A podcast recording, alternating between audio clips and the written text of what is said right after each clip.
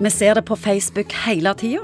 Folk som erklærer sin kjærlighet til kjæresten og får bekreftelse.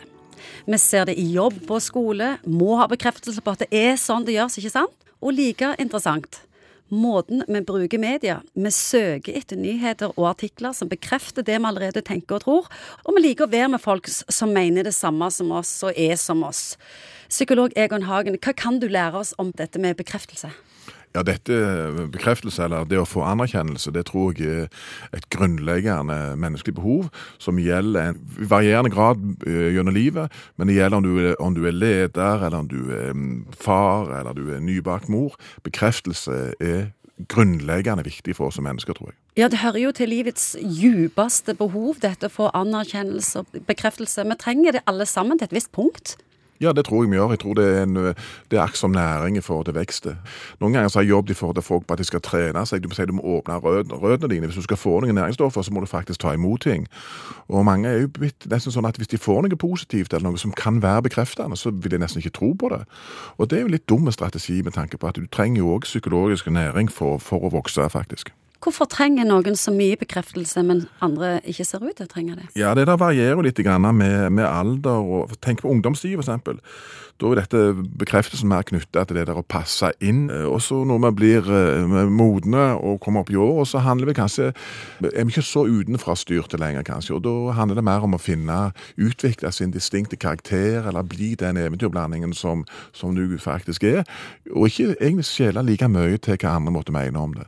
Men i ulike livsfaser så dette liksom antar litt forskjellige former, tror jeg, og viktighet.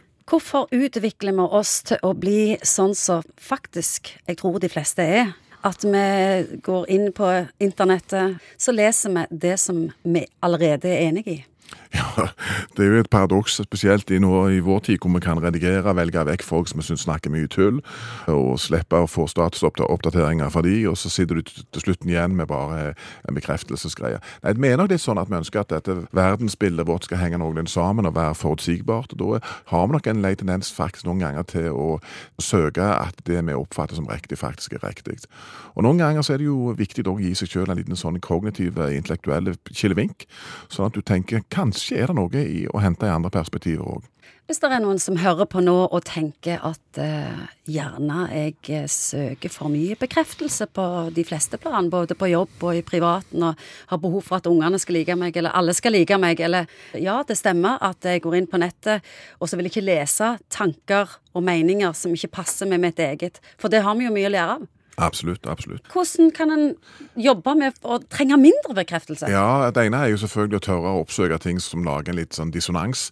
For det er jo sånn vi vokser. Det er jo at du, du har en sånn fastlåst innstilling om hvordan ting er, og så får du inn noe ny informasjon, og så får du litt ustabilitet, og så greier du kanskje etter hvert å integrere det nye i det gamle, og så vokser du på den måten. Eller så går det an å trene seg på å si at eh, jeg skal ikke være så inviterende, eller jeg skal ikke være sånn sucker hele veien for hva andres mening er. Jeg skal tørre kanskje å ta noen tema og si dette står jeg for, og dette er liksom min, min personlige oppfatning, og det er helt greit at folk ikke er enig i det. Der jeg er nå, så er det dette jeg faktisk mener. Benytt de der sosiale anledningene som faktisk kan oppstå, til å, å stå for noe.